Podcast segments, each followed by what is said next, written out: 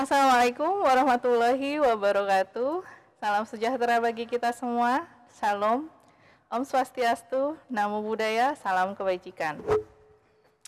Halo MBA leaders semuanya. Buat kamu yang udah dapat notifikasi CNC Live, langsung aja nonton podcast hari ini karena sore hari ini kita bakal ngobrolin satu hal yang pastinya menarik dan nggak boleh dilewatin.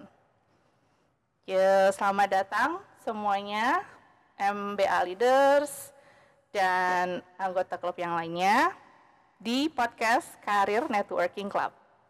Podcast CNC kali ini kita akan mengangkat tema How to be easily accepted by the recruiter in HR perspective.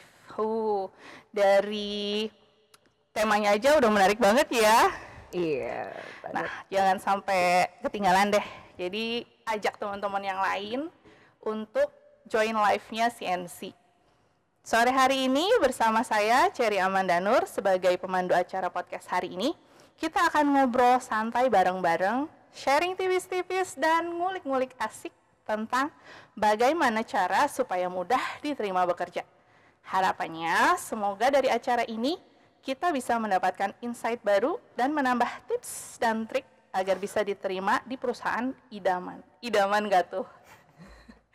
Oke, jadi sore ini kita akan ditemenin oleh Mbak Teresa ya. Eh, hmm, nama lengkapnya sebenarnya Teresa Laura Kristi dipanggilnya? Laura. Oke, dengan Mbak Laura. Mbak Laura ini juga alumni MM FEB UGM loh. Ya, Mbak ya. Sekali. Em, alumni tahun berapa, Mbak? Kalau aku lulus berarti reguler 70 ya. 70. Ah, sekarang ini aku 79. Lumayan Oh, jaraknya. jauh ya. Iya. Ternyata Jauh senior nih. senior di MMFB UGM. Oke. Eh, dulu ambil konsentrasi apa ya kalau boleh tahu? It's dong. Wah, cocok berarti pas banget nih. Tema hari ini kita ngulik bareng-barengnya bareng saya anak HR Iya. sama alumni HR. Nah, sore ini kita em, sebelumnya eh, selamat datang dan terima kasih kepada Mbak Laura yang udah berkenan jadi pembicara di podcast CNC sore ini.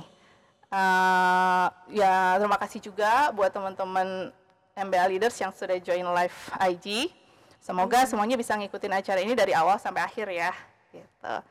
Nah, Mbak Teresa sebelumnya nih eh, ada pesan sponsor dari CNC. Oke. Jadi Apa harus tuh? sponsor sponsornya itu adalah podcast hari ini itu eh, merupakan salah satu dari beberapa agenda program kerja Career Networking Club atau CNC yang merupakan salah satu klub yang bernaung di MMFEB UGM Yogyakarta. Ayo teman-teman MBA leaders udah jadi anggotanya belum? Ayo join join. Em, tema sore hari ini yaitu how to be easily accepted by the recruiter. Jadi CNC ini ingin berbagi eh, menjadi bagian dalam bantu khususnya mahasiswa MMFEB UGM untuk mempersiapkan eh, teman-teman yang lagi mencari pekerjaan atau lagi eh, ngelamar pekerjaan, mendaftar pekerjaan sehingga mampu eh, memenangkan kompetisi dengan para pencari kerja lainnya. Eh, bisa mendapatkan pekerjaan yang diinginkan serta bisa membangun karir. Nah, ini penting banget nih membangun karir di tempat kerja nantinya. Em, eh, sore hari ini kita akan kulik dengan bareng-bareng sama Mbak Laura. Tapi sebelumnya kita eh, tak kenal maka ta'aruf. Eh, tak kenal maka eh, tak sayang. Makanya kita kenalan dulu nih. Saya akan bacakan profilnya Mbak Laura sedikit ya. Mbak Laura ini S1-nya dulu eh, pendidikannya latar belakang pendidikannya S1-nya dulu di psikologi. Kemudian S2-nya seperti yang saya bilang tadi ya di eh, MMFB UGM mengambil konsentrasi HR. Jadi yang masih bingung ambil konsentrasi boleh HR. pilih HR. SR aja. Iya. Em, pengalaman bekerjanya ini menarik juga nih, gitu kan? Jadi Mbak Teresa ini em, pengalaman kerjanya itu pernah jadi eh, HR generalis di Angkasa Pura. Angkasa Pura Support ya. Iya. Oke, angkasa pura. Nanti kalau saya salah tolong Ya. dikoreksi. Eh, generalis benar. Bener ya generalis. Iya. Oh, kalau saya tahun pertama ya. tahun pertama. Jadi begitu lulus langsung bekerja ya? Eh, enggak. Eh, sebenarnya iya, tapi nggak di Angkasa Pura. Jadi Oh. ada di tempat lain dulu, baru 2015 ke sana. Oh iya, mohon maaf ini ketinggalan. Jadi sebelum sebelum jadi HR generalis ternyata Mbak Laura ini pernah jadi tester dan trainer Betul di sekali. Aret Consultant. Arete. Eh, kayaknya Arete itu Ya. nggak asing ya di telinga. Ya, jadi memang yang selalu ngetes-ngetes sini itu lembaga Ah, Arete. pantes. Arete masuk sini sejak saya kuliah di sini. luar biasa. Jangan-jangan ini Mbak Laura ini yang bawa Arete ke sini. ya, seperti itu ya. Canggih-canggih ya. Oke, jadi setelah di Arete Consultant, kemudian di Angkasa Pura Support, terus pernah juga di CRM Kalbe Nutrition. CRM Kalbe Nutritionals, HR Recruitment. Wah, cocok pas banget ini. Kita memperdalam tentang eh, perekrutan nih. Kemudian di 2019 sampai 2022 di Angkasa Pura 1 Yogyakarta. Iya ya. Iya. Oh Iya, iya. itu bandara baru di sana yang saya Jauh cerita ya. tadi di apa namanya eh, Angkasa Pura Hotel di proyek yang baru anak sa, sa Angkasa baru di sana. Mantap, mantap nih. Oke, jadi em, kita kita kan ngobrol-ngobrol santai aja. Tadi kan Oke. temanya adalah how to be easily accepted.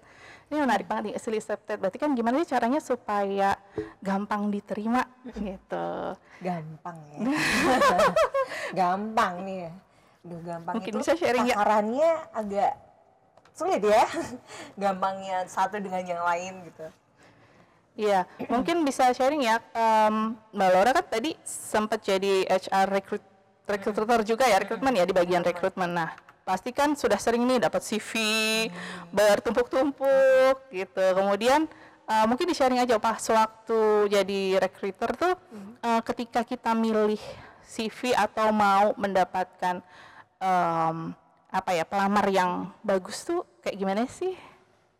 Kalau kita dari mulai dari CV-nya yang jelas kan biasanya kandidat ini ya semua ya banyak kandidat yang ngeyel juga. Jadi udah tahu kualifikasi awalnya itu kurang cocok tapi udahlah nyoba ya.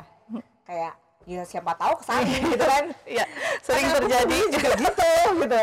Jadi itu memang agak PR jadi kita emang eh, harus lebih teliti dalam eh, ngefilter ngefilter eh, kandidat mana sih yang kita cari sesuai dengan skillnya itu seperti apa gitu. Misalkan kita pengen cari eh, customer service gitu customer service. Oh customer service itu harus yang eh, dia punya public speaking yang bagus. Nggak harus yang expert sih tapi dia bisa eh, ngomong tanpa grogi di depan orang lain terus dia punya jiwa melayani gitu-gitu kan kalau dari CV sih sebenarnya itu kan kurang kelihatan ya tapi Ah, biasanya kita benar-benar. ngeliat dari pengalaman karena dia punya pengalaman sebelumnya gitu catat ya Ya. pengalaman Ya, biasanya kalau saya begitu. Jadi kenapa sih eh, apa namanya eh, HR itu kadang-kadang kalau di kualifikasi pekerjaan itu tuh nyarinya eh, pengalaman sebelumnya minimal satu tahun gitu.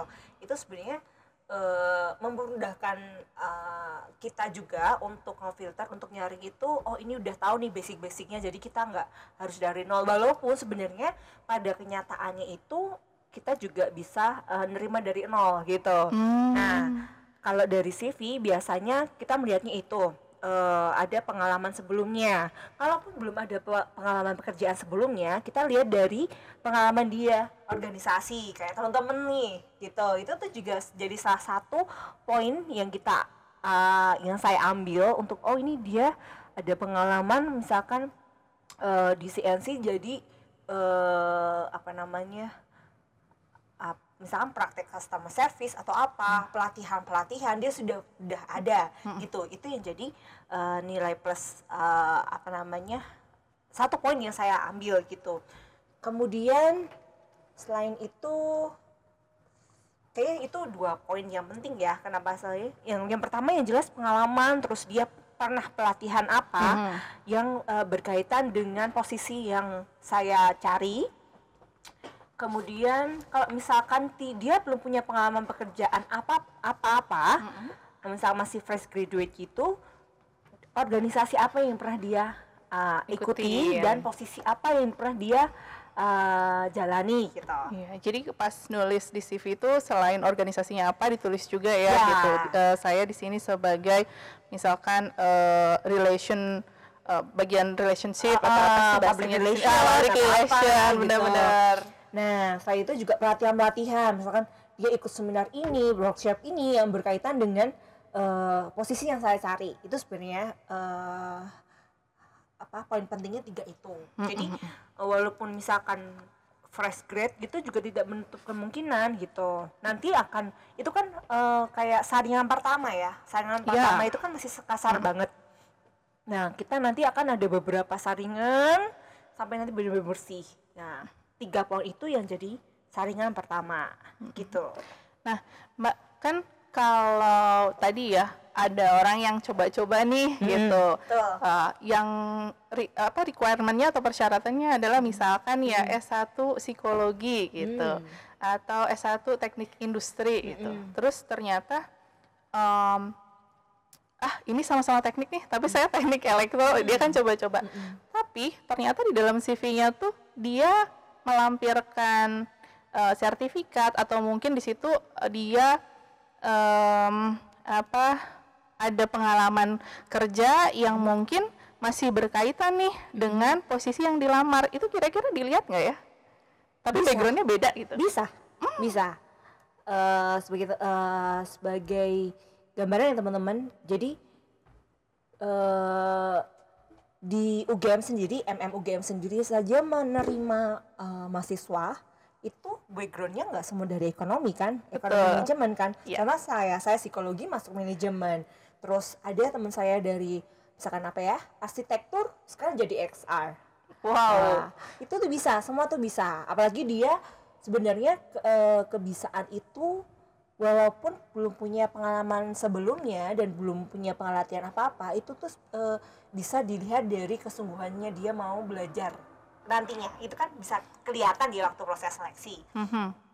Eh, itu bisa apalagi kalau misalkan sampai punya eh, surat pelatihan sertifikat Sertifikat, pelatihan ya, kemudian dia pernah ikut seminar yang berkaitan dengan misalkan posisi HR ini nah itu jadi tambah nilai tambahan jadi Nggak nggak menutup kemungkinan dari jurusan apa pun bisa jadi HR nggak? Bisa.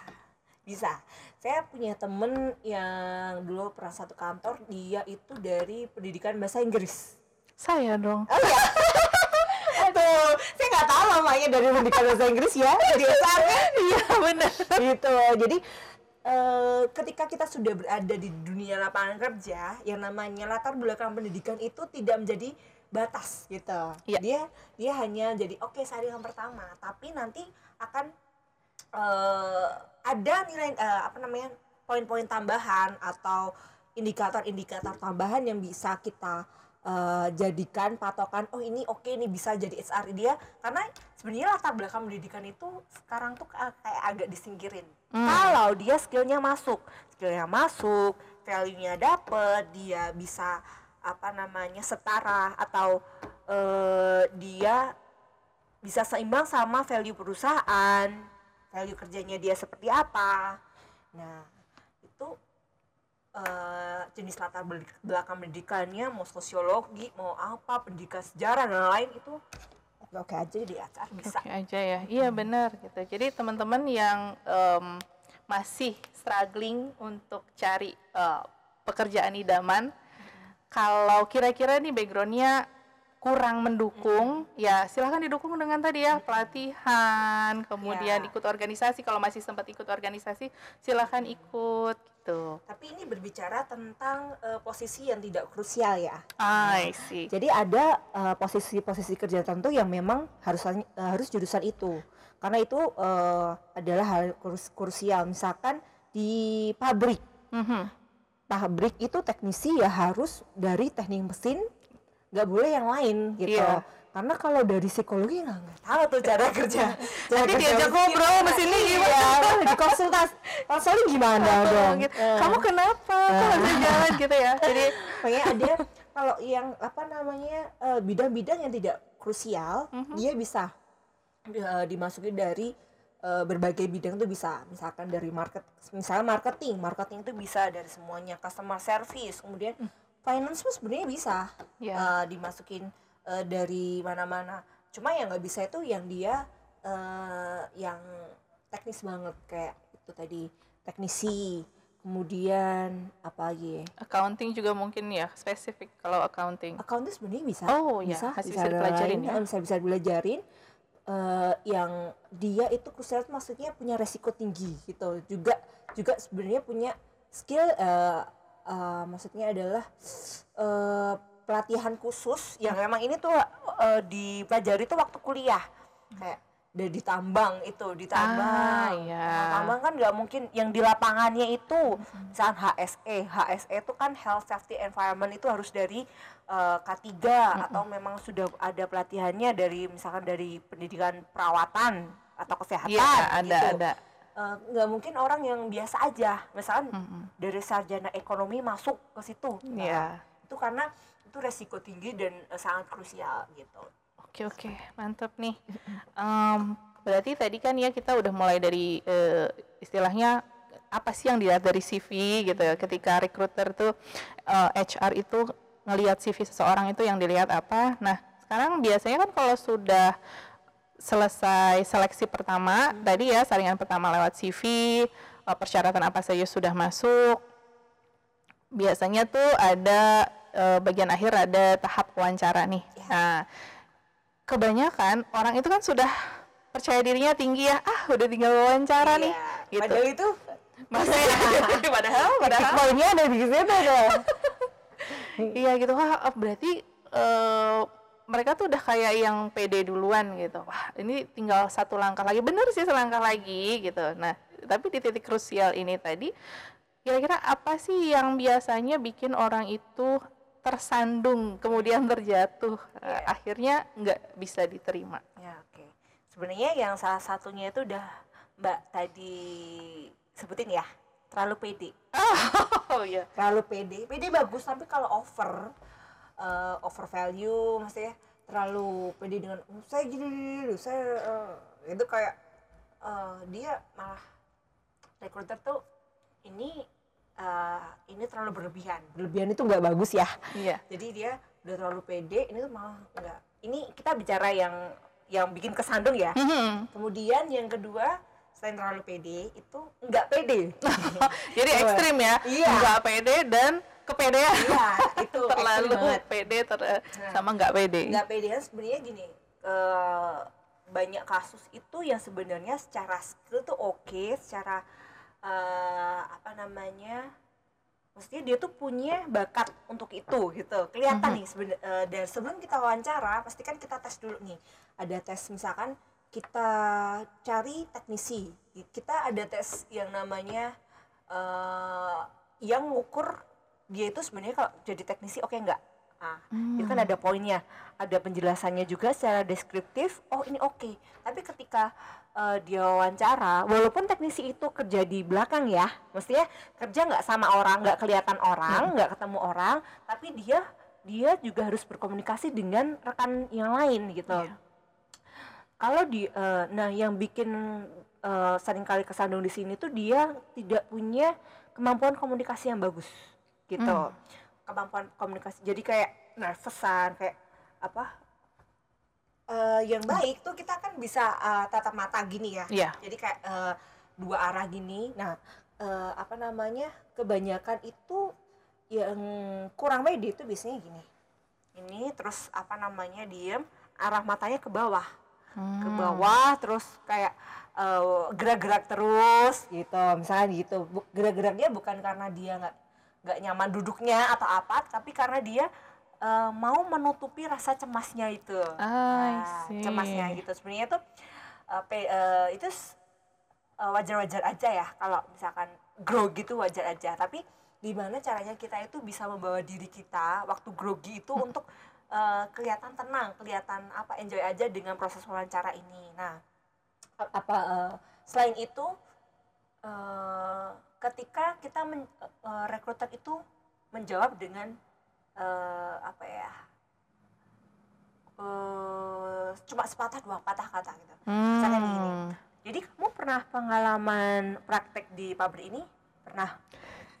Jadi kamu gini ini? Ya. Jadi dia tidak Jadi kayak tanya jawab komunikatif ya, Nah, bukan betul. jatuhnya bukan wawancara. Wawancara kan ada timbal baliknya. Ya. gitu. Jadi kalau ini jadi kuis dong. betul, betul. Eh, pernah pernah Eh, udah eh, punya pengalaman enggak? gitu. Jadi betul, kayak kuis gitu. Nah itu kan menunjukkan komunikasi eh, kemampuan komunikasi yang kurang baik. maksudnya belum belum mampu menguasai eh, komunikasi yang baik itu seperti apa seperti itu lalu diwawancara ya ini ya Mhm. dia eh, git- eh, terlalu banyak manipulatif jadi gini ma- Apa ini manipulatif? manipulatif itu jadi eh, aslinya nggak sebaik itu tapi eh, kita nggak terlalu membawa eh, diri kita tuh apa namanya terlalu baik gitu. Dilebih-lebihkan Ya, over gitu. gitu jadi sebenarnya membawa diri kita untuk terlihat baik itu bagus ada eh, sebenarnya bahasanya bukan bohong ya tapi eh, kita apa ya Kayak mencitrakan personal branding ah, gitu ya. Iya, personal branding Ah, bahasanya personal ya. branding gitu itu oke cuma cuma kita harus tahu takaran personal branding yang eh, sewajarnya itu seperti apa nah apa namanya jadi kayak gini misalkan terlalu over eh, itu sebenarnya ada hubungannya sama kepercayaan diri. Tapi ada juga yang enggak enggak enggak ada hubungannya dengan percaya diri. Jadi dia eh, misalkan gini ya ditanya kelemahan kamu apa? Biasanya kalau kita Ah. wawancara gitu ya. Iya, selalu Kelemahan ada kamu itu. apa? Nah itu saya tuh paling nggak bisa kalau nggak belajar tiap hari. Misalkan gitu. Terus saya tuh eh, orangnya workaholic workaholicnya itu sangat-sangat Hmm. saya waktu kuliah nggak pernah main gini gini jadi kan itu sesuatu yang ah dilebih-lebihkan kamu gitu loh seperti itu. Jadi eh, oke kamu membangun personal branding kamu tapi bangunlah dengan cara ya, dikemas dengan yang baik gitu loh. Jangan jangan kelihatan banget kamu memanipulasi apa diri kamu untuk menja- eh, dapat eh, sebuah citra yang bagus nih di depan HR gitu. Hmm. karena HR tahu. Nah, itu tuh nih kalau kan kita masih ngomongin tentang HR perspektif nih ya. ya Kadang-kadang itu kan dari mana sih tahu kok aku tuh dilebih-lebihkan gitu. Padahal bener kok aku nggak pernah main gitu. Bener kok eh, rajin belajar nggak bisa aku kayaknya sehari nggak belajar. oh tetap berasa nggak bener ya. Maksudnya Heeh. kalaupun itu benar bukan kalaupun itu maksudnya dari mana sih HR itu tahu oh dia sedang bicara yang benar. Oh dia itu melebih-lebihkan seperti itu. Dari mana sih gitu yang pertama kita tahu dari rangkaian tes sebelumnya. Aduh ini sebenarnya belum boleh dibocorin sih. Tipis-tipis aja tipis aja. Jadi kan teman-teman teman-teman itu diterima tidak hanya dalam satu tes aja ya. Aha. jadi banyak rangkaian tes. Mm-mm. Tes ada- apa aja sih kalau boleh tahu? Misalkan biasanya yang Ah. dilakukan misalkan terkadang setiap perusahaan kan pasti punya kebijakan yang beda ya. Ada yang habis civil langsung wawancara tapi biasanya kalau untuk perusahaan yang ya agak besar atau mungkin memang perusahaan besar tuh tahapannya biasanya yang ada tuh apa aja ya? Kalau misalkan dari tes psikologinya Mhm. itu kan biasanya kita ada wartek yang teman-teman gambar itu ya. Mhm. gambar kotak 6 di sini kan ada stimulus di situ ada titik terus silahkan gambar apa ada Ya. titik itu gitu ya. Nah ya teman-teman ya. Oke itu wartek namanya. Kemudian IST IST itu tes yang soalnya tuh banyak. Jadi ada ada waktu waktunya. Ada Mhm. hitungan bahasa ya kemudian teknikal, mekanik dan lain itu. Kemudian ada MBTI yang sekarang lagi ngetren, extrovert introvert, ya itu. kamu udah tes MBTI belum? MBTI kamu apa? Nah, gitu. Ya, walaupun eh, karena itu terus jadi populer di internet. Nah, ide- sedangkan sebenarnya kita tidak bisa eh, menen- apa ya, mengetahui bahwa tes di internet itu valid atau tidak gitu. Tapi it's okay lah kalau untuk seseruan gitu. MBTI, benar apa lagi ya? Eh, saya nggak lupa ya, kayak pak- apa namanya? Itu rangkaian tes psikologis ya, Ah. tes psikologi sorry Ya, eh, itu dari situ kan kelihatan juga teman-teman. Jadi udah kelihatan nih ke- dari kepribadiannya gini ini. Terus sedangkan misalkan gini, ketika kita berbicara tentang MBTI MT uh, sorry jadi MBTI itu ada empat unsur ya Mhm. uh, extrovert ber uh, berpasangan dengan introvert kemudian uh, sensing berpasangan dengan intuiting kemudian ada thinking berpasangan dengan feeling dan yang terakhir ada perceiving berpasangan dengan uh, judging. Nah orang yang biasanya yang memang dia tuh belajar tiap hari terus ini ini terus dia tuh tekun kelihatan dari bahasa tubuh kemudian dari MBTI-nya itu pasti orang judging J. Gitu Ah. judging. Dengan ketika dia itu lebih ekstrovert lalu uh, di MBTI-nya itu dia hasilnya P perceiving Mhm. itu sangat nggak mungkin deh Ah. itu kayak kelihatan nih Iya. dari hasil tes sebelumnya kelihatan nih bohongnya nih kelihatan nih apa Jadi- menaikkan nilai diri gitu Jadi bukan karena HR itu ahli nuju. oh iya Kita memang ada ilmunya, Ada gitu ilmunya. dan bisa dilihat juga. Kita ada data Oh. kita ada datanya nih yang menunjukkan tuh ini ini ini seperti itu Iya Gitu. iya iya. Jadi gitu ya teman-teman. Kalau misalkan, oh ya, em, berarti tadi kan ada rangkaiannya dari mulai CV, kemudian ada tes psikologi, terus sampai akhirnya ke wawancara. eh, dan tadi saya juga tanya eh, gimana sih, apa, apa aja kira-kira yang menjadi batu sandungan gitu. Itu beberapa tadi ya. Nah, eh, ada tips dan trik nggak kalau kita untuk bisa menghindari atau melompati batu sandungan itu? ini di bagian apa dulu? Di tes psikologinya kah? Di wawancaranya kah? Em, ya bisa di mungkin tes psikologi kali ya karena kan tadi eh, ngelihatnya dari tes psikologi nih terus sebenarnya teman-teman kalau tes psikologi itu eh apa namanya itu kan harus melihat memperlihatkan aslinya teman-teman seperti apa saya udah puluhan kali itu nerima pertanyaan aku bes dari temen ya Aha. temen atau rekan gitu aku besok mau tes psikologi ini aku harus belajar apa. Iya iya itu sering sering banget ditanyain sering banget ditanyain bahkan kalau nggak nanya sama temannya nanya sama Google Iya, habis itu belajar, belajar ini tes minat bakat. Eh. Gak akan ada keluar yang sama pertanyaannya teman-teman. Sebenarnya kalau di tes psikologi itu teman-teman nggak ada, nggak nggak harus eh, persiapan apa pun. nggak harus belajar Heeh. kayak yang kita mau belajar tes matematika Ah, atau be- beda ya Karena itu ngeliatin eh, minat dan bakat teman-teman secara alam itu seperti apa. Hmm. Jadi kayak istilahnya kalau eh, kita bicara tentang wadah, ini tuh memperlihatkan wadahnya teman-teman tuh seberapa dan wadah ini cocok untuk apa gitu. Hmm. Karena kalau teman-teman itu eh, memanipulasi diri, jadi harus eh, misalkan nyontek lah atau cari bocoran dari Iya. mana-mana, itu malah eh, ending-endingnya akan menyiksa teman-teman sendiri. Jadi eh, misalnya teman-teman tuh sebenarnya tidak punya apa ya istilahnya bakatnya bukan di bidang finance tapi dari awal tetap menggebu-gebu pengen di finance terus dengan segala cara dan lain-lain akhirnya keterima itu di teman-teman mah nggak nyaman sendiri Hmm. nyaman nggak betah sendiri karena itu sebenarnya bukan passionnya Ah, Gitu. Jadi ada efek ke belakangnya nanti ya kalau Iya, dia memaksakan diri di betul awal. sekali. Nanti efeknya coba bertahan berapa misalkan setahunan di situ kan kita juga sayang ya sama Mm-hmm. apa namanya proses yang proses yang nggak mudah yang udah kita lalui gitu. Kemudian kalau diwawancara, sebenarnya kalau aku kalau di, misalnya ditanyain gimana apa yang harus aku persiapin kalau mau Nah, kalau- gitu ya, Mhm. Makan yang banyak. Eh iya tapi bener ya, bener-bener makan yang banyak. Oh, Terus iya. biasanya sih dapet tipsnya itu kalau mau tes psikologi makan yang banyak, istirahat yang cukup. Iya, itu emang betul. Karena tes psikologi itu kan lama ya. Mungkin dari jam 8 pagi bisa sampai sore. Itu lapar. Jadi ka- kalau apalagi kalau kita dalam keadaan lapar, itu kita nggak bisa mikir. Iya, kan? Benar. sedang- sedangkan jadi eh, hasil yang kita lihatin itu bukan maksimalnya kita. Ah, gitu. Jadi kalau belajar-belajar tuh nggak ada. Jadi jangan cari ada. soal di internet, nggak usah belajar, cari cari makanan yang enak. Ah. ya. Istirahat lebih awal, bangun pagi fresh, Nah, itu siap sebenarnya. untuk tes psikologi. Iya. Terus kalau di wawancara tuh lebih ke gimana kita bisa membawa diri kita tuh enjoy gitu.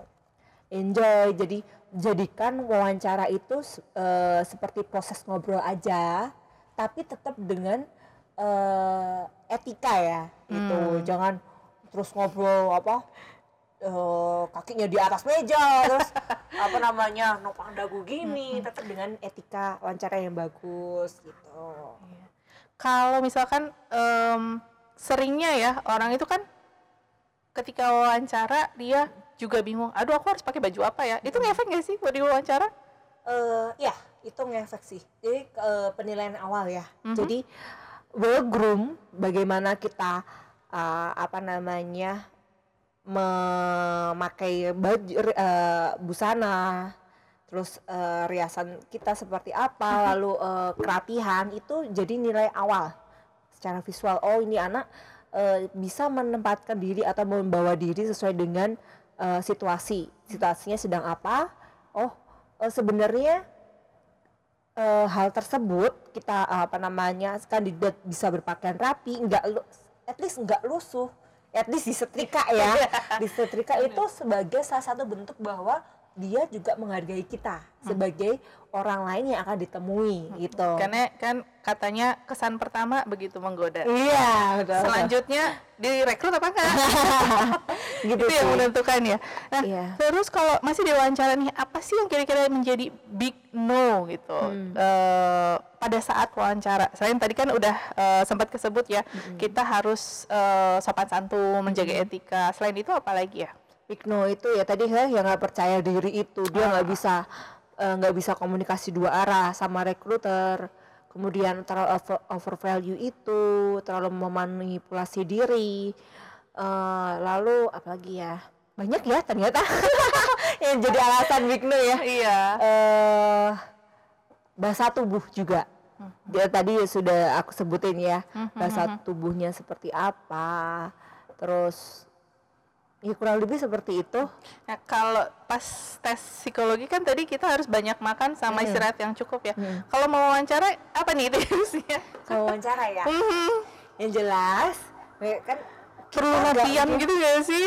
boleh aja kalau itu kan latihan it- eh, ada manfaatnya nggak kayak kalau misalkan kita belajar tes psikologi gitu terus teman-teman itu cuma wasting time untuk aku itu cuma wasting time ya kecuali kalau emang mau apa namanya latihan yang eh, biar terbiasa aja gitu. Terbiasa ngerjain cepet. Karena kan kalau misalkan tes psikologi itu kan ada waktunya. Hmm. kalau untuk seperti itu nggak apa-apa. Tapi kalau untuk ngapalin jawaban Ah, itu iya. big no nah kalau wawancara itu kita bisa kok latihan. Misalkan latihan kayak gini latihan eh pakai pertanyaan-pertanyaan dasar. Supaya kita tuh bisa lebih siap. Hmm, apa namanya. Kemudian eh gimana kita harus eh, apa berbahasa tubuh yang baik terus kita bisa komunikasi dua arah yang baik terus kita bisa apa ya eh menaikkan nilai value kita sesuai dengan eh apa eh secukupnya maksudnya sewajarnya, Sewajarnya gitu nggak yang Nggak- over value Ah, gitu Nggak over value tapi juga Oh. nggak yang eh, underestimate ya sendiri. betul gitu jadi ya. Eh pede tapi nggak kepedean tapi nggak apa namanya nggak rendah diri, Diri. gitu jadi nggak ini yang wah saya apa namanya eh, bahasa-bahasa yang sok teoritis Ah, wah itu biar kelihatan intelek. iya itu eh, rekruter pasti tahu kok Masih teman-teman. banyak ternyata yang kayak gitu. Oh, banyak sekali. Jadi emang itu usaha yang harus kita hargai juga karena dia pengen eh, menampilkan sisi terbaik ya. Mhm. Tapi perlu diingat teman-teman juga bahwa itu malah bikin jebakan sendiri buat teman-teman Ah, gitu. jebakan Batman atau jebakan Spiderman. Gitu. Nah, em, oh ya, sekarang kan eranya udah eh, apa ya banyak eh, sosial media dan lain sebagainya. Kadang-kadang kan juga dari HR atau recruiter juga kan ngelihat ya ke Betul. sosial medianya para pelamar itu gitu. Pasti. Nah, Oh iya, saya pasti. itu em, gimana ya cara sebenarnya sih bukan untuk menampilkan tapi kadang-kadang tuh apa sih yang dilihat dari HR gitu eh sorry apa sih yang HR lihat atau yang HR cari gitu loh dari eh, mungkin biasanya dalam tanda kutip stalking gitu ya stalking media sosialnya si para Ya. pelamar ini. Jadi gini yang kalau saya, pengalaman saya itu yang pertama adalah saya pengen lihat eh, sifat aslinya dia gitu. Misalnya kan emang kita tidak bisa ngejudge bahwa media sosial itu menunjukkan sifat asli atau eh, kehidupan yang asli dari eh, seseorang ya. Karena di situ pun kita juga melakukan personal branding. Misalnya gini eh, di IG is storynya happy happy terus nggak selalu nggak nggak apa en, eh, in fact-nya itu nggak nggak belum seperti itu. Tapi kita eh, sebagai HR di situ tuh ingin melihat nih eh, misalkan gini eh, di gimana sih dia bikin status gitu. Misalkan ada kandidat A nih yang bagus nih apa namanya waktu wawancara oke waktu ini oke tapi ternyata waktu dilihat Facebooknya statusnya tuh kayak ngudemelin orang terus gitu. Wah ini Julid ya, Bu. ah, ngudemelin mas. Tetanggaku yang ini ini ini ini ini, gitu.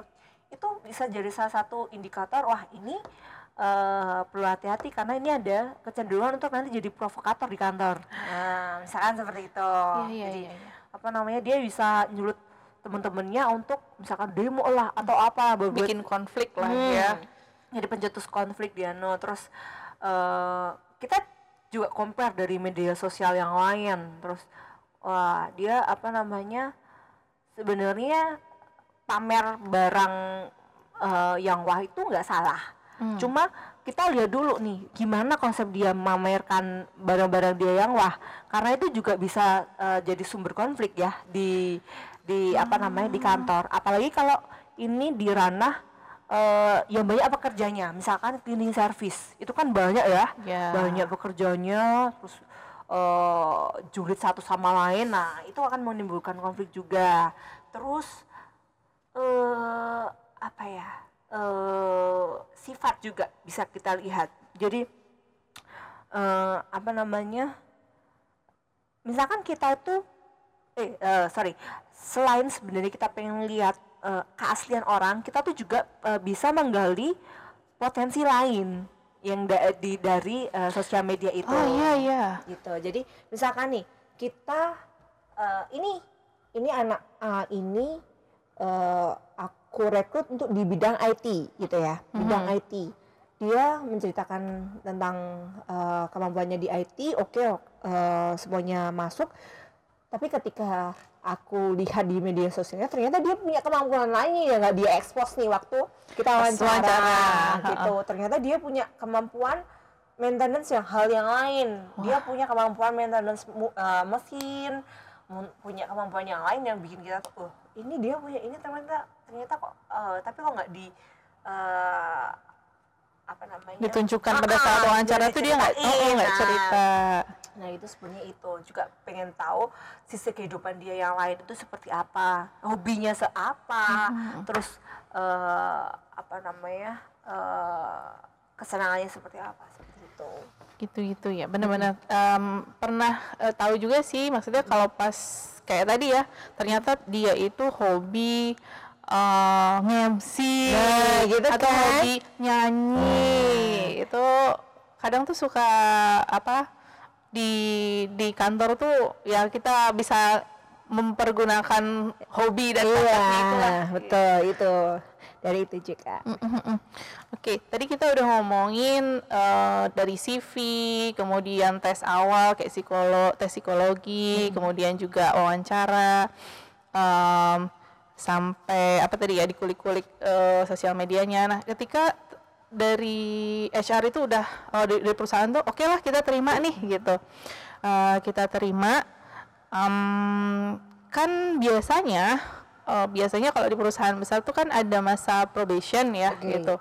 Nah itu em, sebaiknya dia harus gimana sih gitu? Karena kan dalam probation itu eh, oh, mungkin probation tuh biasanya berapa lama sih satu itu yang mau ditanya dulu gitu probation berapa lama terus apa yang dilakukan pada saat probation itu dan eh, penilaian apa yang nantinya diharapkan atau eh, apa perusahaan itu mengharapkan apa dari probation itu kan pasti di akhir ada penilaian ya ada Oke. Jadi teman-teman yang namanya probation itu adalah masa uji coba ya. Mhm. Jadi teman-teman udah diterima di satu perusahaan tapi diuji coba dulu. Nah, jadi eh, di sini itu sebenarnya perusahaan pengen melihat apakah teman-teman itu ketika sudah terjun di lapangan benar-benar sesuai dengan diharapkan eh, sesuai dengan standarnya si perusahaan atau tidak. Itu. Apalagi eh, yang namanya sistem probation itu akan disiapkan menjadi pegawai tetap. Ah. Jadi biasanya itu dilakukan selama tiga bulan probation itu. Ketika tiga bulan probation itu sudah selesai, teman-teman itu lolos probation, oke berarti teman-teman dinilai sudah sesuai standarnya perusahaan. Itu kemudian lanjut menjadi eh, Pegawai tetap. kayak pegawai tetap gitu ya, Mhm. sebagai karyawan gitu. Tapi kalau enggak, ya tidak karena eh, sebenarnya ini untuk menghindari probation ini ada untuk menghindari eh, salah taksir, maksudnya kesalahan dalam eh, merekrut gitu ya. Oh Hmm. sebenarnya kemarin kalau apa namanya diwawancara di tes itu oke oke aja. Nah, oh, kok ternyata kalau kerja kayak gini ya? Oh berarti dia pinter waktu seleksinya, tapi aslinya enggak karena mungkin udah merasa udah diterima jadi kayak uh, seenaknya bukan seenaknya ya sebenarnya kayak enggak maksimal gitu. Ah, Oke, tapi ada ya maksudnya em, karena itu tadi kan biasanya tuh euforia nih para pelamar tuh oh aku yang tadi sampai wawancara aja dia udah happy eh ternyata bisa nggak keterima. Nah sedangkan terus em, tadi kan Mbak Mbak Laura bilang kalau biasanya probation itu dilakukan ketika untuk mencari pegawai tetap gitu. Dalam bayangannya kan pasti wah habis ini jadi pegawai tetap nih gitu. Nah, ternyata masih ya setelah probation tuh bisa bisa masih tetap nggak diterima ya? Nggak mesti kalau probation, oh probation mah itu cuma biasanya tuh orang bilang formal. Ah, formalitas. ya biasanya orang bilang oh cuma formalitas, berarti langsung terima. Tapi ternyata bisa nggak diterima juga bisa ya? sangat bisa karena eh, saya pernah punya pengalaman temen ada di eh, dia MT ya eh, manajemen trainee di satu perusahaan nasional besar gitu. Dia probation selama tiga bulan gak lolos. Wah, iya beneran. Sayang banget ya. eh gitu ya. Karena apa namanya eh, si perusahaan ini memang menamer- eh, menerapkan standar yang tinggi gitu. Waktu itu dia di bidang marketing harus menjadi sales marketing memasarkan suatu produk eh, dari eh, perusahaan itu ternyata selama dua bulan itu kok nggak target target tapi dia udah kelihatan loyo gitu. Nah di sini kan sebenarnya HR itu masih eh, menilai. Nggak cuma HR tapi berkolaborasi dengan usernya. User itu atasan langsung. Teman-teman ketika uh, teman-teman sebagai marketing berarti usernya adalah uh, misalkan manajer marketing Mhm. gitu. Kemudian uh, biasanya dengan atasannya juga uh, kalau atasannya berarti section headnya ya. Itu dengan HR-nya juga. Jadi nanti gimana nih? Uh, selama tiga bulan ini apakah menunjukkan uh, progres yang baik dari bulan ke bulan atau seperti apa? Kalau tidak oh ya berarti sudah. Karena itu perusahaan juga berpikir ini mau dijadiin pegawai tetap loh gitu. Jadi enggak apa namanya jangan sampai perusahaan itu rugi karena menerima pegawai tetap yang salah gitu Iya iya, bener. Ini dari kacamata HR ya. Kalau HR-nya pakai kacamata, kalau kalau nggak pakai kacamata berarti dari perspektif iya HR. Em, tadi dari mulai ngelamar udah, kemudian eh, tes psikologi, wawancara, sampai probation. Nah, ini em, ketika dia sudah sustain nih, udah "Is, alhamdulillah probationnya lulus gitu. Probation lulus atau mungkin em, apa namanya MT-nya sudah lulus gitu ya. Akhirnya bisa jadi pegawai tetap. Nah, kira-kira apa nih yang harus dilakukan? Biasanya kan em, anak-anak sekarang tuh ambis gitu ya. Ah, saya mau lima tahun lagi jadi manajer. Nah, sebenarnya nggak ada salah juga ya Enggak dengan dong itu gitu. enggak dong enggak banget dong Justru malah bagus ya. Jadi Iya, terpacu dia semangatnya. apa ya dia menunjukkan bahwa dia mau grow nih di sini nih gitu Nah, kalau ada eh, teman-teman mungkin di sana yang pengen punya target kayak gitu ya dalam lima tahun atau dalam berapa tahun saya tuh mau mencapai posisi eh, manajer atau posisi puncak itu gimana? Ada tips and tricks nggak kira-kira eh, apa yang harus dilakukan nih gitu? Apakah saya harus mendekati atasan saya terus Aduh. gitu? Itu Atau di, di balik meja ya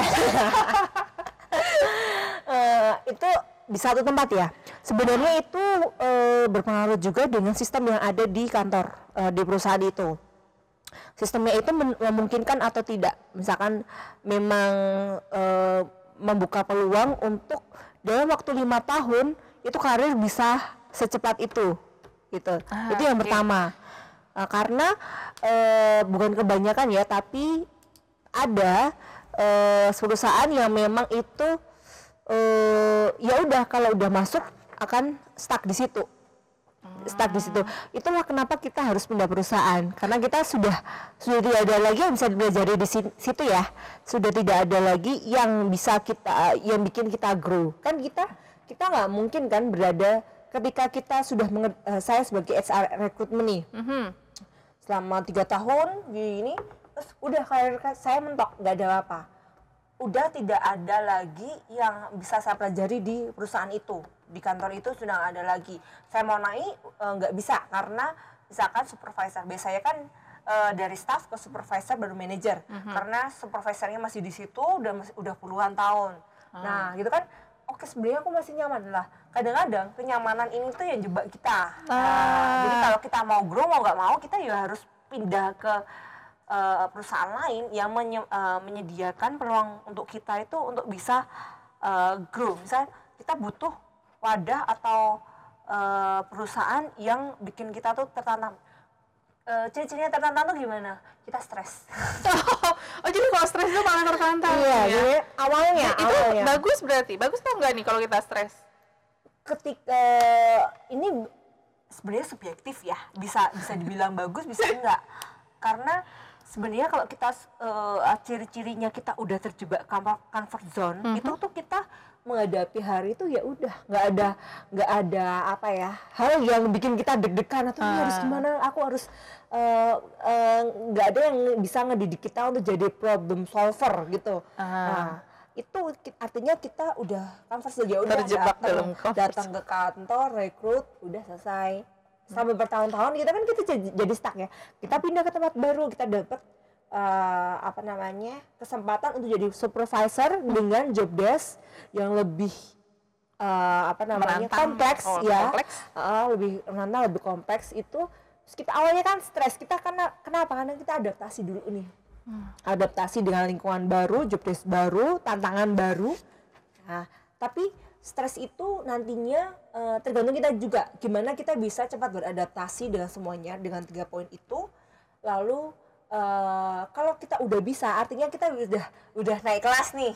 Udah naik kelas dari seorang staff menjadi seorang supervisor, Supervisor. nah seperti itu tuh kalau apa namanya eh yang harus kita lakukan. Jangan jadi kalau mau eh, teman-teman mau grow, mau apa namanya bisa menjadi manajer dan eh, men- jadi manajer dalam waktu lima tahun. Ya kita harus lihat wadahnya dulu. Wadahnya mungkin kan enggak. Kalau enggak ya udah pindah yang lain gitu. Kita pindah itu bukan berarti kita kutu loncat ya. Nah, jadi ada kan perspektif yang jelek ketika udah pindah-pindah. Iya. Ya dulu pindahnya pindahnya buat apa? Dia pindah buat grow atau dia pindah karena dia menghindari masalah? Karena ada dua macam ya. Jadi pindah perusahaan itu memang karena sudah tidak ada yang lagi, eh, lagi yang bisa dipelajari di perusahaan lama. Yang kedua memang tidak bisa menghadapi masalah. Jadi setelah ada masalah tuh keluar, ada masalah keluar, ada masalah keluar. justru itu malah nggak jadi grow nggak sih maksudnya Iya dong, itu mau menghambat diri karena sebenarnya di tempat awal kita di, udah udah dihidangkan nih ya. Iya. Aku eh, kamu dihidangkan suatu masalah untuk kamu untuk skill problem problem solving kamu tuh bisa eh, apa terasah, bisa naik lagi gitu. Tapi kamu malah memilih untuk pindah, artinya kamu menghindari masalah itu dan stuck dengan skillmu yang sekarang dong, gitu. Dan itu memangnya kalau kamu pindah ke perusahaan lain pasti tidak ada masalah. Nah, pasti ada masalah iya. mungkin masalahnya lebih kompleks Nah, lebih kompleks dan itu akan menjadikan habit. Jadi Ah. pindah, pindah, pindah, pindah terus. Tapi pindahnya itu ya nggak untuk grow, untuk untuk menghindari masalah. dari masalah gitu. Gitu. Em, tips supaya kita tuh jadi karyawan yang tahan banting. Alah, tahan banting. Kerja ambil gaji pulang. seru banget. Jadi eh, itu kayak ya lagi ngetren sekarang ya. Kerja ambil gaji pulang gitu kan. Jadi sebenarnya mengajarkan kita itu eh, di suatu perusahaan di dalam kantor itu tuh sangat kompleks untuk eh, apalagi untuk teman-teman mahasiswa yang belum pernah eh, bekerja kantoran Iya, gitu ya. iya. Kompleksnya itu sangat-sangat kompleks gitu ya. kayak ketemu orang Iya, banyak iya. ketemu kerjaan banyak Hmm, jadi kayak eh, tidak semuanya tuh mulus sesuai dengan apa yang kita jadi wah kita, kita udah masuk MT MT itu eh, mempercepat jadi manajer. Wah tidak seindah itu adik-adik. Tidak semudah itu bergusur. jadi yang eh, perlu kita tekankan adalah teman kerja ada eh, teman kerja ada teman kerja ada lingkungan kerja ada lingkungan kerja. Eh, oke mereka keluarga kedua ya. Hmm, kedua ya. tapi eh, bukan keluarga yang utama gitu. Kalau misalkan ada oh ini udah kayak keluarga sendiri hati-hati. Maksudnya gini eh, biar kita tahan banting itu eh, maksudnya di sini adalah bagaimana kita bisa eh, misalkan ya kita berada di lingkungan yang kurang oke dengan teman kerja atau atasan yang kurang oke nah kita perlu eh, belajar untuk tidak mempedulikan orang lain. Maksudnya tidak mempedulikan orang lain itu bukan berarti kita terus cuek bebek gitu ya nggak ini tapi kita secukupnya aja dengan eh, kewajiban kita di situ. Gitu. Karena makin apa namanya makin kita eh, terlibat ini ini apalagi kalau ini ya misalnya contoh ada yang ngejulitin ada yang ngejulitin lain gitu kita ikut kita ikut itu malah apa namanya membuat kita itu ter apa ya kayak kalau bahasa Jawa itu nge Kelly. Kelly itu apa ya? Apa? Hanyut. Nah hanyut. Hanyut dalam Lanjut. lingkungan itu. Nah jadi itulah yang Jadi harus keluarga kita- pertama ya. jadi kita harus eh, bisa apa ya eh, menempatkan diri kita tuh untuk eh, menjadi eh, kita solid tapi kita tetap independen dengan value kita gitu. Mm-mm. nah Solid, wah saya catat dulu nih penting solid, Iya dong, tapi so- harus solid sama- independen. Ya, tapi kita harus tetap punya nilai diri kita sendiri. Untuk oh gini gini gini gini. Enggak, kita tetap oh, digunjingin. Oh, kita kuping perlu tebal ya kuping perlu tebal wah kan ya, apalagi eh, ada omongan jelek sana sini tentang kita yang nggak benar wah itu nggak usah didengar udah kerja yang bagus gini nggak usah dilihat tetap eh, tetap eh, apa namanya oke tetap baik sama teman kerja yang lain ada yang eh, berusaha gimana gimanaan kita yang dalam tanda kutip negatif kita cuekin aja. Waktu gajian kita ambil gaji waktu pulang udah pulang gitu. Masih ada keluarga beneran nih yang perlu kita sayangi beneran di rumah gitu. Kita ambil gaji terus kita kasih keluarga yang di rumah. iya dong. Ah, seru banget. Berarti tadi kita ngomongin udah dari em, apa namanya mulai gimana caranya eh, ngelamar terus juga eh, menghadapi tes-tes wawancara eh, do and don'ts tips tricks terus apalagi ya sampai gimana nih cara membangun karir hingga menjadi karyawan tahan banting gitu. Ah, em, apa namanya balik lagi ke to- eh, topik kita eh, hari ini kayak how to be easily accepted jadi kan gimana sih caranya ya cara gampang istilahnya ya gitu. Cara gampang untuk diterima. Ada ini nih ada selentingan atau ada berita-berita kan berita juga sih. Jadi kalau nggak tahu ya sekarang masih ada apa? Enggak aduh ini agak sensitif tapi nggak apa-apa lah ya. Cara paling gampang untuk diterima itu ya pakai orang dalam. Lah. itu bener nggak sih? Atau gimana ya dari kacamata HR nih? Gimana ya? Untuk apa istilahnya menghadapi isu-isu yang ordal-ordal itu Oke. Aduh, dari mana ya? jadi teman-teman kalau kayak gitu tuh sebenarnya memang kita bisa memungkiri ya adanya eh, sedikit politik-politik mm, yang ada di perusahaan gitu tapi sebenarnya kalau eh, dari pengalaman saya itu sebenarnya nggak usah terlalu dipusingin karena kalau ka- eh, kita musingin itu kita malah jadi kayak eh, udah menutup benteng kita sendiri gitu misalkan nih kita tapi ini pengalaman saya Iya, bener-bener iya. pengalaman ya bener-bener True wawancara story. terakhir iya biar teman-teman tuh nggak nggak wah ini orang dalam tuh Hmm. mesti diterima nggak jadi eh, ada satu yang bawaan oh ini keponakannya bapak ini gitu dia ini nggak reliable maksudnya dia secara standarnya ini nggak masuk nih Mhm. terus yang ini eh udah tes dari awal gitu. Oke lah kita kita kasih kesempatan ya kita menghargai menghargai ini untuk tapi kita eh, kami sebagai SR apalagi user kan juga menekankan Pak tapi kita se- se- sesuai dengan prosedur ya. Iya. sesuai dengan prosedur. Eh, jadi kalau eh, pasti eh, dari sepengalaman saya juga eh, sebenarnya nggak banyak orang tuh yang memaksa. Ya udah dicoba dulu aja kalau nggak nggak apa-apa kok mbak gitu. Mhm. Kebanyakan kebanyakan itu eh, bukan kebanyakan sih ada yang ngeterima orang dalam juga. Misalnya di, di bawah itu ada. Tapi dia memang sudah dia memang Mengikuti tadi ya, nah. ikut alur sama Ah. standar prosedur tadi dia ikut. eh, sebenarnya mungkin dari awal nggak ikut. Tapi secara kompetensi secara Ah, skill dia masuk. masuk. Heeh, dengan sesuai dengan standar kita dia masuk gitu. Oke itu mau nggak apa-apa. Oke lah apa namanya eh, emang agak sulit dihindari uh, titipan-titipan seperti itu. Tapi satu satu ketika ada yang dari orang dalam bawa resmi juga bawa.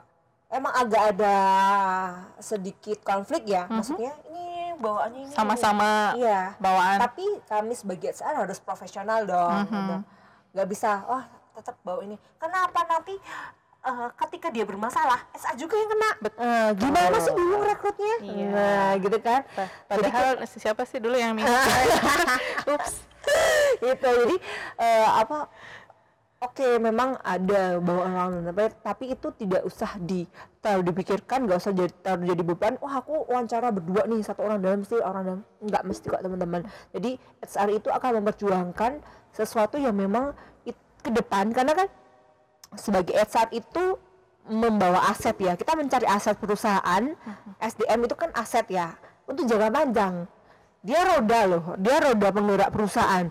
Kalau rodanya aja pel-pel nggak sesuai standar gimana mau jalan lancar kan? nah jadi kita harus cari yang standar tentu jalannya aja lurus ya. Nah, Gitu. kalau gini gini Ah, siapa yang tambah-tambah. Nah, jadi kan eh, apa namanya kusirnya capek, eh kusirnya bingung, kitanya juga bingung. Nah, daripada itu kerja dua kali, kita harus tetap profesional sesuai dengan standarnya gitu. Jadi kalau untuk menghadapi orang-orang dalam itu nggak usah khawatir Nggak karena nggak semua titipan itu langsung diterima Iya, ya. enggak Pasti kok. selalu ada eh, jalan apa ya, eh, dalam tanda kutip ya ada seleksinya juga gitu. Walaupun mungkin ada yang berbeda jalan seleksinya gitu. Em, jadi fokus ke diri sendiri, lebih fokus ke diri Betul. sendiri gimana eh, kita bisa mencapai eh, pekerjaan impian itu tadi Betul ya. sekali. Gitu. Mantap, mantap. Nggak usah khawatir teman-teman. Nggak punya orang, eh, nggak usah dibikin nggak punya orang dalam. gitu. Atau mungkin eh, bisa apa ya? Mungkin nggak tahu. Ini kira-kira bisa jadi tips nggak? Kan sekarang banyak orang yang mencoba untuk eh, apa?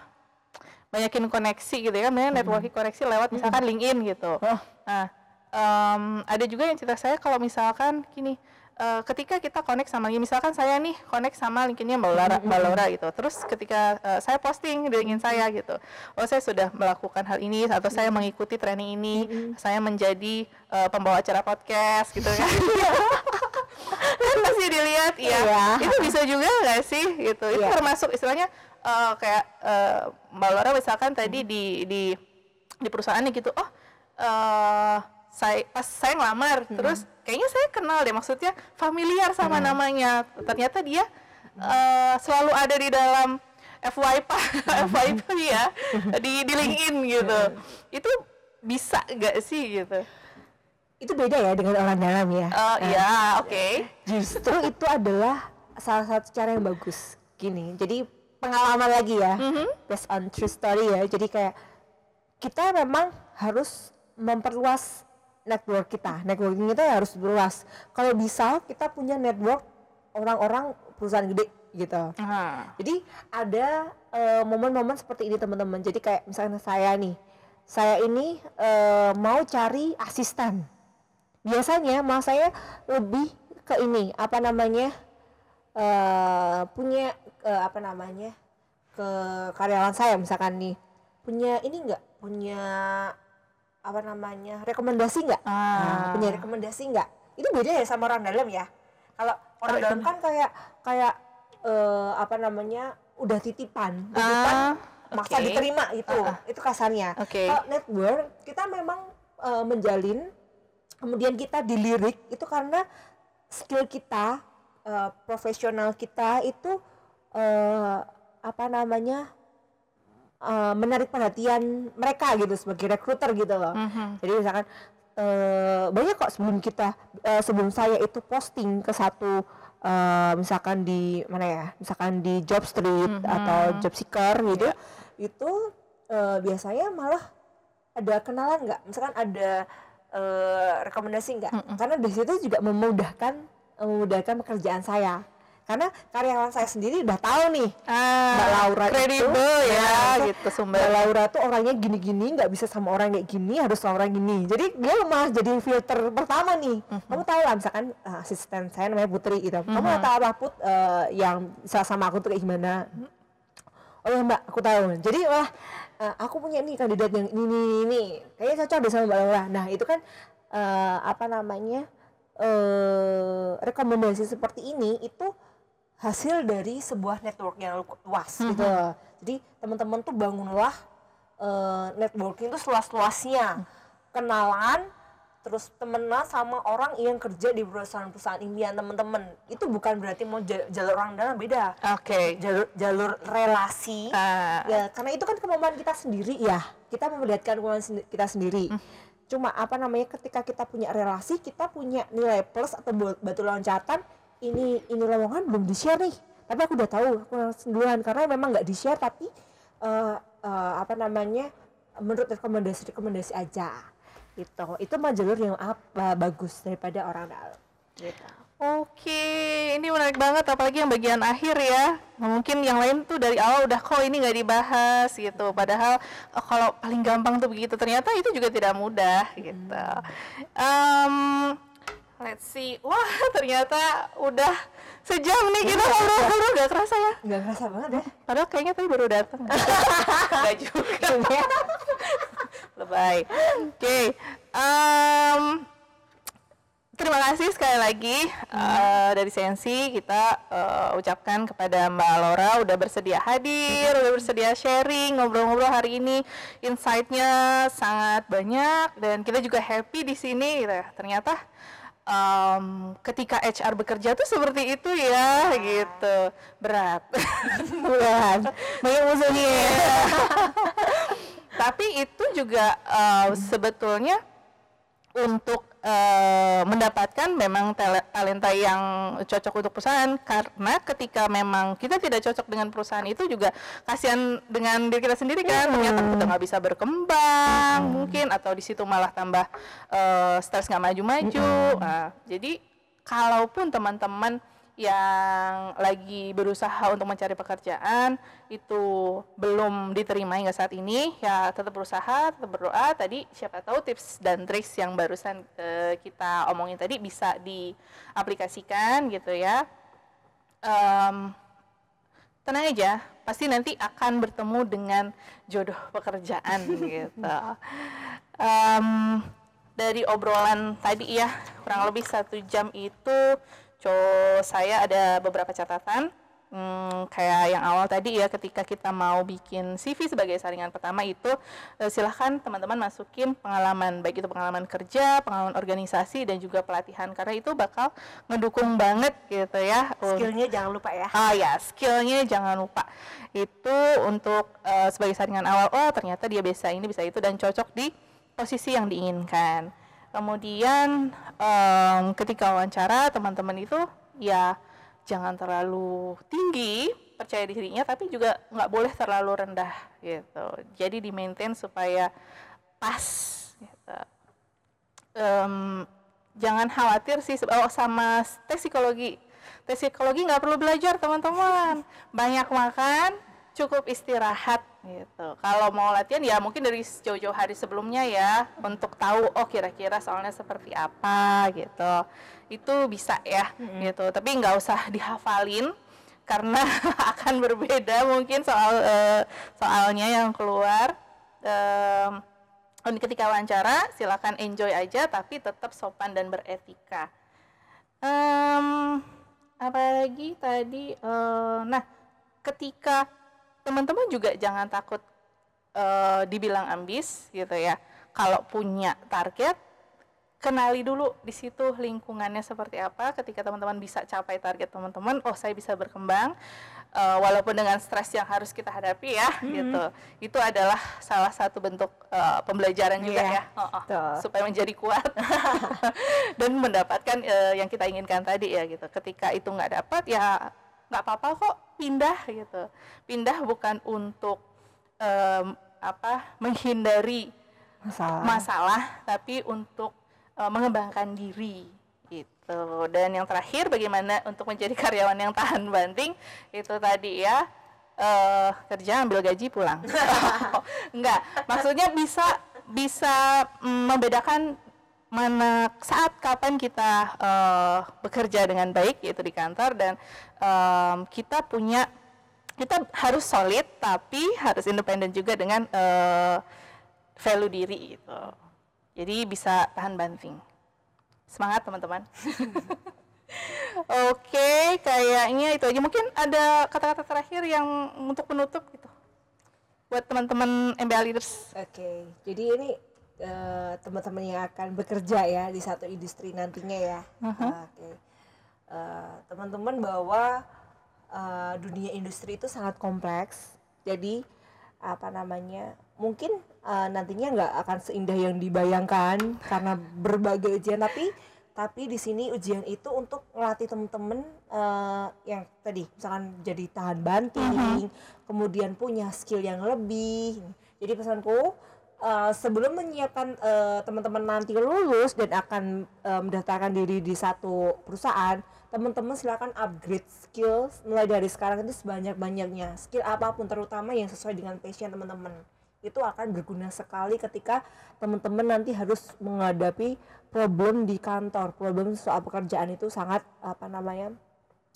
sangat-sangat membantu dan itu eh, juga menunjukkan bahwa teman-teman itu punya jiwa yang grow gitu. Karena ketika kita ikut seminar ini, ikut pelatihan ini dan itu itu menunjukkan keinginan kita untuk terus belajar kan. Nah, itu silahkan teman-teman lakuin itu, upgrade skill karena itu juga menarik nih di HR gitu. Oh, ini anak nih grow nih. Oh, ini anak mau belajar terus walaupun misalkan nih eh, ah, orang finance tapi dia ngambil uh, seminar tentang HR. Oh, dia dia punya uh, apa namanya keinginan atau dia punya uh, ketertarikan tentang hal yang luas gitu. Jadi nggak cuma di bidangnya dia sendiri. Nggak apa-apa kok belajar hal yang lain. Saya itu pun juga gitu, nggak cuma belajar yang ini tapi juga belajar yang lain juga. Dan gitu. nggak harus nunggu disuruh ya. Iya, karena itu lihat deh, nanti bisa dilihat kok misalkan teman-teman eh, ada yang udah update skill dari sekarang, ikut pelatihan ini itu, eh, pokoknya gimana caranya misalkan ikut kursus lah, eh, ikut seminar-seminar lah dengan teman-teman yang enggak. Nantinya akan berbeda kok ending-ending hasil akhirnya itu. gitu. Jadi silahkan, silahkan pacu sekarang mumpung teman-teman masih kuliah juga ya. Jadi sebenarnya kampus itu juga me- sudah menyediakan wadah ya untuk mengupgrade skill itu itu silakan dimanfaatkan sebaik-baiknya. Mantap, Gitu. mantap. Itu tadi pesan dari Mbak Lore. Upgrade your skill itu bakal jadi hmm, salah satu pintu bagaimana mendapatkan pekerjaan impian dengan eh, baik, dengan mudah. Ya, seperti tema kita pada sore hari ini. Baik teman-teman MM Leaders semuanya, eh, semoga dengan acara ini eh, rekan-rekan mendapatkan banyak gambaran tentang mempersiapkan diri sebelum melamar pekerjaan dan bagaimana setelah diterima di perusahaan tadi gitu tentang standar apa yang dilihat oleh HR ada sebuah perusahaan gitu. Ini karena kita langsung nih eh, sama praktisi ya gitu. Karena dulunya akademisi dan saya eh, kemudian jadi praktisi juga. Jadi sumbernya valid. Nah, Iya. Em, untuk menutup eh, acara pada sore hari ini gitu, ada satu quotes seperti apa yang dikatakan oleh Alexander Graham Bell, before anything else, preparation is the key to success. Ya, tetap sehat dan tetap semangat untuk teman-teman MM Leader semuanya. Akhir kata, wassalamualaikum warahmatullahi wabarakatuh. Kami selaku panitia mohon maaf atas segala kekurangan dalam penyelenggaraan acara ini. Terima kasih, sampai jumpa di podcast Sensi selanjutnya. Bye. Thank you, Mbak Laura. Sama-sama.